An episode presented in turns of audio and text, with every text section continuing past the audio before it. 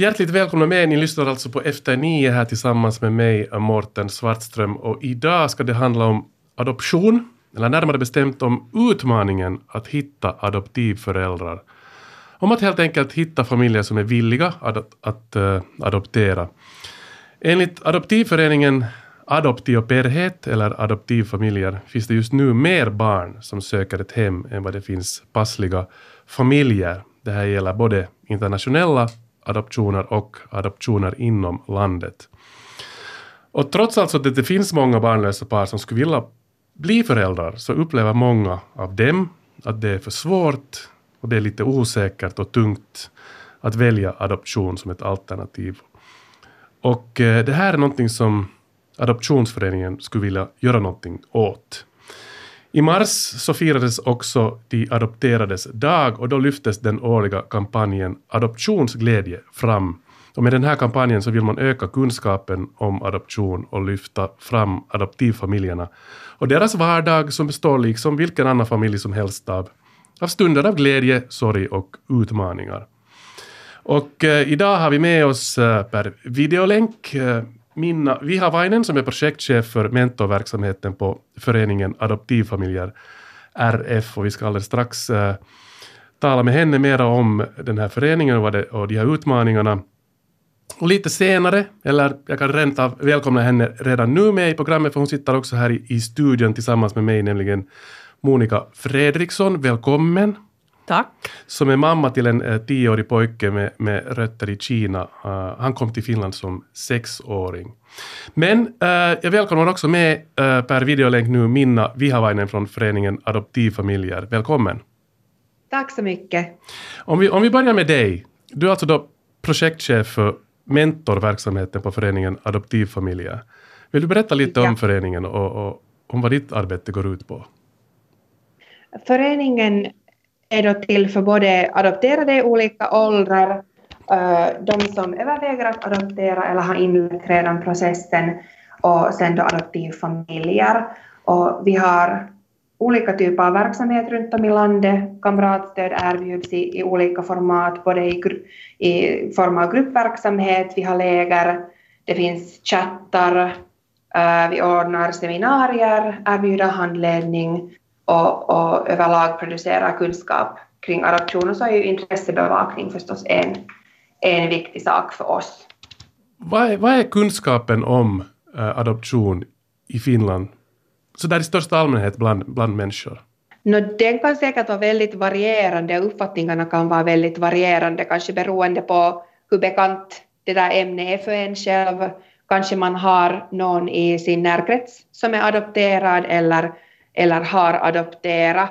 Men ska vi säga att, att um, det som vi har kanske stött på ofta så, så kan ibland vara en, en till och med lite stigmatiserad eller negativ uppfattning om, om adoption speciellt kanske den här adoptionsprocessen och det som, som mest eventuellt syns i, i nyheter och, och också i kultur, tv-serier, filmer så kan ge en ganska ibland ensidig bild av adoption och, och till och med lite fel bild. Att alla, alla adoptionsprocesser och varje adoption är en väldigt unik och, unik och individuell erfarenhet. Att det är ett sätt att, att bilda familj som sagt och ett bra sätt att bilda familj och, och det här vänta på barn och, och det är en del som har berättat att, det är sällan man får tillsammans med en professionell och, och med sin partner om man då inleder processen tillsammans så faktiskt reflektera och fundera kring Eh, sina egna förmågor och sitt parförhållande och, och också föräldraskap och uppfostran. Medan sen en, en del har stött på utmaningar och upplevt att den där processen har känts tung och förstås längtan av det där barnet. Och på tal om individuella erfarenheter så tänkte jag nu rikta blicken här till eh, Monica Fredriksson som sitter med mig här i studion. Adoptivförälder till, eh, till en tioårig pojke som har rötter i, i Kina och han kom, till, han kom till Finland som sexåring så han har varit här nu i fyra år. Ja. Berätta lite Monica om dina egna erfarenheter, om, om hurdan process det var för er, om du upplevde det uh, utmanande eller, eller, eller, eller hur det var. Nej, jag håller riktigt med Minna sådär att det är säkert så som hon sa att det är hemskt individuellt Jag brukar skoja med mina vänner att jag har gått i familjeterapi och att jag är en av de få som har papper på att jag får vara förälder. För det får man ju från Valvira. Mm. För att kunna adoptera så måste Valvira godkänna en som förälder. Och jag tror inte att det är så många föräldrar i Finland som har det. Alltså det här låter intressant. Du måste, du måste lite berätta mer. Alltså, jag är själv förälder. Och jag har inga papper på, på att jag är Nej. godkänd Nej, förälder. nej, jag menade att det betyder inte att jag är en bättre förälder än dig. Det är inte så, så jag menar, utan jag använder det i skämtsyfte. Och det är ju det som man går i den där familjeterapin. Eller vad jag, det heter inte så, den heter något annat fint som Minna sa. Men eh, vad heter det, man går, det tar ungefär ett och ett halvt år om man träffar då den här socialarbetaren x antal gånger. Det är nog att man synkar med fadern exempelvis och allt det här. Förstås ska också Valvira och ha den här ekonomiska situationen och brottsregister och allt det här. Så det, det är hela det. Och sen skickar man in papper och så går man där på nålar och väntar. Att fast man nu egentligen kanske tänker att nu borde ju allt vara okej så, så sen den där dagen som det där pappret kommer från Valvira så det känns ju ganska bra. Så de, liksom kollar upp helt enkelt att, att det, Ja. det här är en passlig familj. Eller Ja. ett, ett passligt par för, Ja. för den här, Ja. det här barnet helt enkelt. ja, Ehm, och det är ju helt enkelt bara därför att varför ska man ta ett barn hit till en familj som kanske inte sen klarar av det helt enkelt. Så tog jag det. mm. Det är ju en jättebra sak och det är ju jätteviktigt att det görs. Mm. Upplevde ni någonsin att, att, att det var äh, utmanande? Nej, inte en enda gång. Inte på något sätt. Att den där socialarbetaren, det var ju mera en öppen diskussion och hon skrev ju sen en rapport om oss. Mm. Och jag tror att det är ju sådär att om man kanske inte riktigt är beredd att adoptera så kanske man liksom märker det där under den processen. Hur, hur, Minna, hur många, hur många vad heter det, kan man säga hur många eller hur många procent som, som får avslag helt enkelt av olika orsaker? Det har jag tyvärr inte exakt eh, statistik på, men att jag tycker det var väldigt bra som Monica sa att, att um, under processen så, så kan man som sagt, den, den går att avbryta och under den processen kan man tillsammans med socialarbetaren faktiskt fundera kring det, att är det här eh, vår väg att gå och bilda familj? Och, och det är någonting som de här serviceproducenterna efterkallar i allt högre grad idag, att man hellre lite tidigare än, än, än senare skulle söka sig till den där adoptionsrådgivningen. Det är inte ännu ett beslut att adoptera, utan den vägen får man då mera information och, och kan fundera tillsammans med en, en professionell på, på det att är det här den rätta vägen för oss att gå. Precis. Nej, men ehm, sen då till det här glädjebudskapet som ni sen då eh, fick, Monica, om att ni, ni är då godkända. Ja, Så vad, vad händer sen? sen får man börja söka barnet om vi säger så. Men nu är ju, det är ju hemskt, det är ju inte så hemskt många år sedan, men jag kommer inte ihåg att jag tror att det är då som man... Jag kallar det en inköpslista. Det är ju kanske sån här världens roligaste papper att fylla i, men man ska fylla i med det tre, fyra A4 vad man går med på att barnet har för symptomer. Vidare bortåt går man med om... Som i vårt fall så beslöt vi att ta ett barn via det här specialneeds Mm. ifrån Kina. Och det betyder då att det är inte ett helt 10 poängs friskt barn, hur man ska säga det. Att vår son har endast en arm, att hans halva, halva högra arm är då borta. Och det var sånt som man på den där listan då berättade, att går man med på de grejerna eller inte. Det kändes nog hårt där att sitta och trycka ja och nej och kanske och vidare så, men det var ju bara att man skulle hitta ett perfekt barn till oss. Det, det låter lite så här bara när man hör det första gången, så här lite brutalt på något sätt. Det, det var nog ganska brutalt och det, jag lärde mig massor med sådana sjukdomar som inte jag visste. Och, men det satt ju en och fundera. Mm. Vad man var, det var säkert också ett sätt att lite kanske fundera att var man beredd och vad var, vad var man beredd på. Och där tror jag kanske man många gånger är hemskt rädd att, att säga att man tar emot för mycket. För att vara säker. Vet du, man vet inte heller för lite. Man kanske känner sig sådär, vad ska jag svara? Men att inte är det ju ännu där heller beslutat att du måste sen ta ett barn som har det. Att nu, sen får du då ett förslag på ett barn som också en läkare ser på utan, helt med såna här, ska vi säga kalla ögon. Att är det, ska man, så man får ju också stöd sen ännu av läkare att ska vi ta det här barnet eller ska vi inte? Mm. No, nu riktar jag den här nästa frågan både till dig Monica Fredriksson och, och till dig Minna Vihavainen. Vad händer sen när den här blanketten då returneras? Hur, hur ser det ut? Vad händer i processen sen? Om jag börjar med dig Minna. Um, no, som sagt, när man har genomgått den här rådgivningen som då varar ungefär ett år, det är också lite individuellt eh, längden, längden hur den varar, så, så ansöker man sen då om, om tillstånd att adoptera av Valvira, precis som Monica sa. Och, och sen är det då att vare sig man väljer internationell adoption eller inhemsk adoption, in, inhemsk adoption så i internationell adoption så ska man välja då en serviceproducent, vilket är då Rädda Barnen eller Interpedia i Finland. Och, och sen då tillsammans med den här serviceproducenten gör man då det här som, som Monica faktiskt beskrev, att man, man funderar på, på vad man som sagt är färdig och vad ens önskemål är kring barnets ålder och ursprungsland och väljer det här ursprungslandet och får stöd i det. Och efter det här så, så samlar man ihop ett paket med papper och, och bilder på sig själv och sin familj som sen då skickas till det här landet. Och, och sen väntar man då på att, att bli accepterad där och registrerad där och det är sen då den här väntan egentligen börjar. Och den varierar också, den är väldigt individuell beroende på olika faktorer förstås där i landet, hur saker och ting sker där, eh, vilka land det gäller. Och, och sen är det ju det att man försöker hitta just rätt familj till det barnet. Och, och då, då går ju inte heller de som söker om, om adoption i den ordning att man, man så att säga matchar barn och familjer i den ordning som, som familjerna har fått tillstånd heller. Men att det är sen den här väntan, väntan som sagt påbörjas som då kan variera allt från ett år till, till i värsta fall till exempel fem år. Men att, att det, det är väldigt individuellt. Hur var det för er Monica? Det gick ganska snabbt just i och med att vi tog en, ett äldre barn. Han var ju då sex. Och sen då att han hade här special need, needs liksom. Mm. Jag skulle säga att vårt gick ganska snabbt. Det skulle ha gått kanske no, under ett år nästan. Att ungefär ett år. Förstås sen om, in, om man tänker tills man får söka honom så tog det ju längre. Men att den där själva förslaget kom ganska snabbt. Men sen är det ju vissa saker som måste göras innan man kan rusa iväg och det ska kontrolleras det ena och det andra. Men det är just det där att, att man får ju man får ju själv ge, hon sa ålder och det stämmer. Och, och allt det här andra också, att det är ju inte bara, jag fick det kanske att låta lite väl hårt. Men sen, sen när det kom då det här förslaget att nu, ja. Att uh, nu skulle här då finnas Nikolas. ja. Men han kanske inte hette det så då? Eller? Nej, han hette Johan J. Just det, Ja. okej. Mm. Så, så, så vad, vad, vad händer sen? Hur, hur- Nå, först så kom det ju det där beslutet till Finland och då gick det ju också via lä- läkare som Rädda Barnen har. Vi hade då Rädda Barnen som sån här leverantör eller vad man ska kalla det, det heter något annat. Så, och sen fick vi ju förslaget.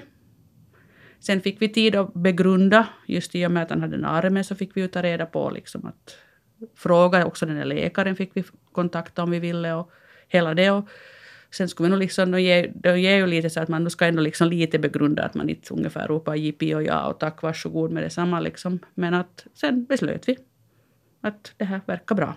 mm var, var befann sig Nikolas under den här tiden? Han har bott hos fosterföräldrar i Kina hela sin uppväxt så han var hos sina fosterföräldrar.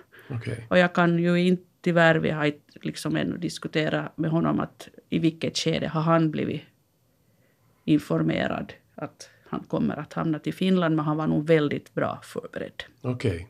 Ja. Så åkte ni sen dit och, Ja. och träffade honom? Och, och, Vi, var, vi for iväg i augusti 2016 och 15 augusti, det var nog en vecka före ungefär vi for och 15 augusti så såg vi honom första gången på riktigt. och, och hur, hur länge tills, tills man åker tillbaka? Sen? En vecka bara. En vecka är man där tillsammans och sen Mm. tillbaka till Finland. Och det var nog så skönt att gå tillbaka. vi bodde på hotell så det är ju inte sådär riktigt. Och det är 40 grader ute i Peking i augusti och det är luftfuktigheten är 95 så det fanns inte sådär annars. Man gick inte att flankera där i Peking på något. Det var, det var, no, det var lite utmaning. Mm. Ja.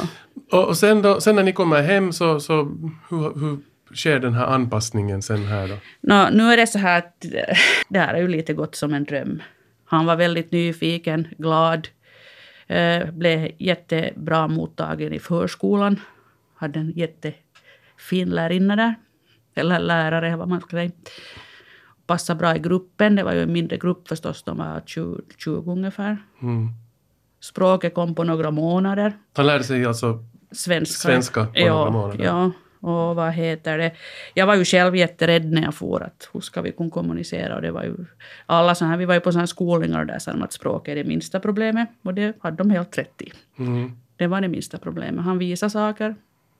Och det gick, det gick nog. Det har lite varit nog gått som en dans. Just det. Ja. Vad, vad, fint att höra. Ja. Men jag tror att där är ju mycket barnets inställning och vad den har förstås med när den kommer. Och, mm. och han hade ju ett språk, men han hade ju bara fel språk.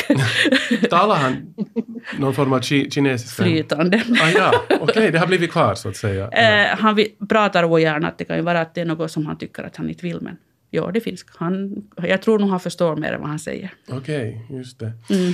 Hur, hur låter det här, äh, Minna? Äh, det, det kanske inte alltid går som en dans, men, men, men här har vi ju ett praktexempel på att det kan, det kan också gå som en dans. Absolut, och precis som Monica sa så, så det är väldigt individuellt. Varje barn är ju också individuellt och varje, varje familj och, och process också. Uh, jag tycker det var väldigt bra som Monica sa, jag brukar också prata om att, att det är ju ändå ett annat utgångsläge när man adopterar än om man själv föder barnet. Um, barnet kommer till familjen med en, en, en liten ryggsäck egentligen med en liten bit livshistoria erfarenheter, eventuella minnen beroende på barnets ålder, som ju är viktigt att beakta.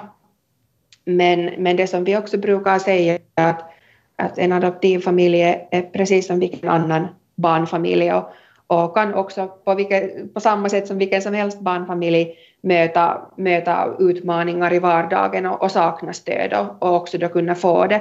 Sen är förstås det här att få, få stöd som adopterad eller adoptivfamilj är också tryggad genom lagen.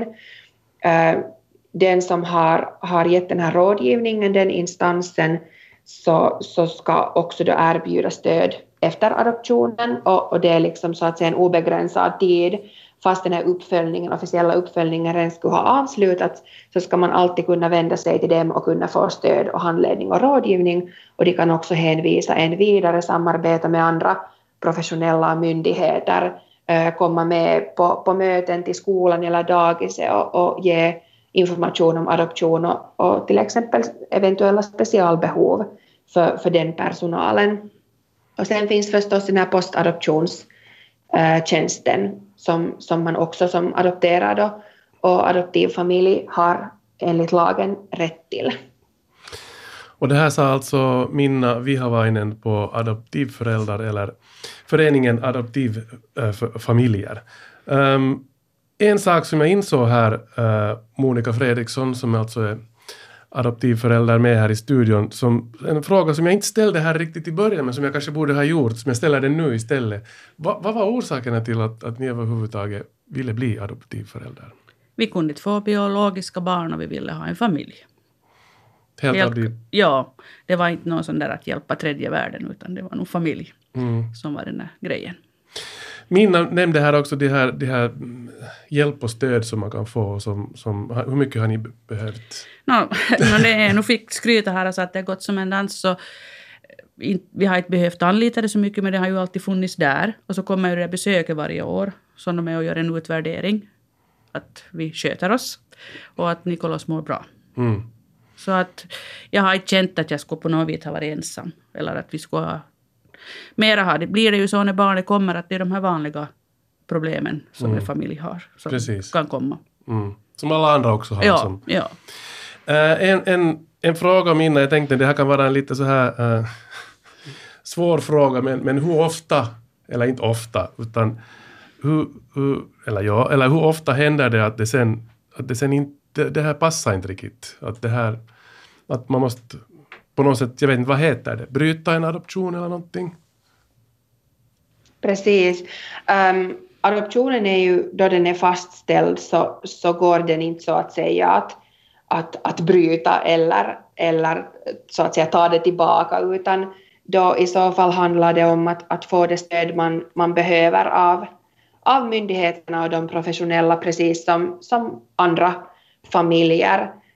Och vi talar alltså idag egentligen om det här med att, eh, det är för såklart både utmanande att bli adoptivförälder, men främst det att det är också utmanande i, i, i dagens läge att hitta villiga adoptivföräldrar på grund av en massa olika orsaker. Uh, därför tänkte jag fråga dig Monica, vad är det bästa med att bli adoptivförälder? Och vad, vad, vad skulle du säga åt de som kanske funderar på att bli det? Det där är en lite svår fråga, för jag tänker inte mig upp direkt sådär så när jag tänker på att jag, att jag är en adoptivförälder. Ja, jag, jag förstår. Ja, jag vet, vet hur du menar, jag förstår vad du menar. Ta reda på mera. Kolla upp. Att kanske lyssna inte så hemskt mycket på andra, utan tänk vad du själv liksom. Att vill du ha en familj så är det ett bra alternativ. Mm. Alltså, det, det är liksom som Minna sa, att när du hoppar in i den där grejen att uh, terapi eller vad man nu ska kalla det, så du, du, kan ju bestämma där. Inte det är ett beslut att du tar kontakt till exempel med en Rädda Barnen. Du kan ju gå, ta, ta mer reda på, fatta inte beslut kanske så vad du hör i media eller av en annan, för att det, det är två så olika, det är så olika grejer. Det finns ju de där informationstillfällena som man kan gå på, att gå kanske på ett sånt. Mm. Jag tycker nu sådär när jag själv nu märker så inte, inte är det något annorlunda att vara en adoptivmamma eller en vanlig mamma. Att det är ju samma sak. Mm, Ganska långt i alla fall. Det är ju klart att jag har inte fött min son men nu tycker jag ändå liksom, nu är, han, nu är jag ju hans mamma. Och jag tycker han beter sig mot mig som han skulle vara min son. Mm. Er pojke, så, så uh, hur mycket är han, vet han om sitt ursprung och sin eventuella biologiska mamma och, och så vidare? No, när man är från Kina så biologisk mamma vet man inte för man är ju lämnad någonstans. Men han, vi har fortfarande kontakt med hans Kina-föräldrar som vi kallar dem via, nu kommer jag inte ihåg vad det där programmet heter, vad det är, det är motsvarande vår WhatsApp. Vi skickar bilder och... Men var det de här alltså fosterföräldrarna? Fosterföräldrarna, förlåt, ja. ja. Jag är fosterföräldrarna in, som, har, som han har varit med då. Mm. Så att vi har nog fortfarande... Han, han vet att han har växt upp och han berättar minnen därifrån. Det kommer mer och mer. Och, och, och så här han hela tiden. Och i vissa situationer så kan han ta upp. Och vi har ju foton från när han är liten. Det finns ett foto, fint fotoalbum. Och, och vår dröm är att någon dag få hälsa på dem nog. Okej. Okay. Ja.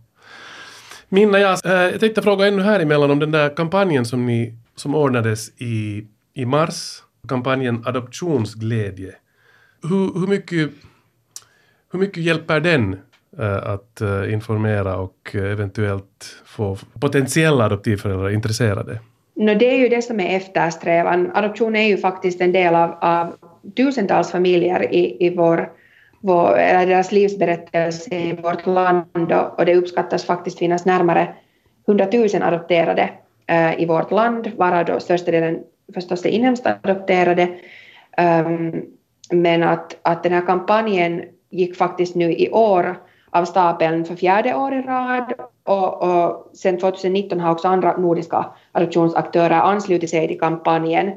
Och, och genom den här kampanjen, kampanjen och adoptivföräldrarnas, familjernas så adopterades bilder äh, från deras vardag så vill man förmedla just de här små glimtarna av, av vardagsglädje och, och, och hur, hur adoptivfamiljer är, precis som Monica sa, vilken, vilken som helst annan finsk barnfamilj. Att man nödvändigtvis inte behöver tänka att det är en adoptivfamilj, utan det är en barnfamilj precis som, som vilken som helst annan. Mm. Fint. Finns det ännu någonting både du, Monica, och uh, Minna skulle vilja säga om att uh, vara adoptivförälder eller, eller någon, någon, insikt eller någonting som, som du skulle vilja säga till lyssnarna där ute? Ja, Minna, vad ska vi säga? ja, ja, det är rådet att om, om man... Man ska inte tro att det är sådär jättekomplicerat som många säger. Och man går in med öppna ögon och tar reda på mera. Och börjar och tycker man sen under den där processens gång att nej, det är komplicerat, jag vill hoppa av, så då hoppar man av och kanske tar en tids funderan och sen kanske man hoppar på på nytt och med öppna, öppet sinne och som sagt, jag måste säga att vår vardag är helt, vi blev en familj. Mm. Jag ångrar inte någonting. Det är fint. Minna, finns det någonting du skulle ännu vilja förmedla till, till lyssnarna? Uh, no, jag, jag kan nog underteckna det som Monica sa, att, att uh, ta reda på och, och inleda den där rådgivningsprocessen hellre tidigare än, än, än för sent om, om ni, du eller ni funderar på att, att bilda familj. Och, och, och, det är ju som sagt, när du funderar på att bilda familj eller skaffa barn, vare sig det är biologiskt eller via adoption, så du vet ju aldrig hurdan familj som bildas eller hurdant barn ni får och hurdana utmaningar och också de där glädjestunderna som, som sen kommer i livet. Att, att inte på det viset tänka att det, det är så stor, stor skillnad från biologiska familjer. Att, att alla, alla familjer och alla individer möter utmaningar också under sin livstid men, men har också en hel del glädjestunder och, och, eh, och, och den här familjegemenskapen som, som också ger, ger sen då lycka. Tack Mina Vihavainen på föreningen Adoptivfamiljer och uh, tack Monica Fredriksson för att ni har varit med här i Efter nio den här gången. Tack så mycket. Tack själv. Tack. Som sagt, ni har alltså lyssnat på Efter nio tillsammans med mig, Mårten Svartström, och vi är tillbaka igen nästa vecka som vanligt med nya gäster och nya utmaningar. Vi hörs.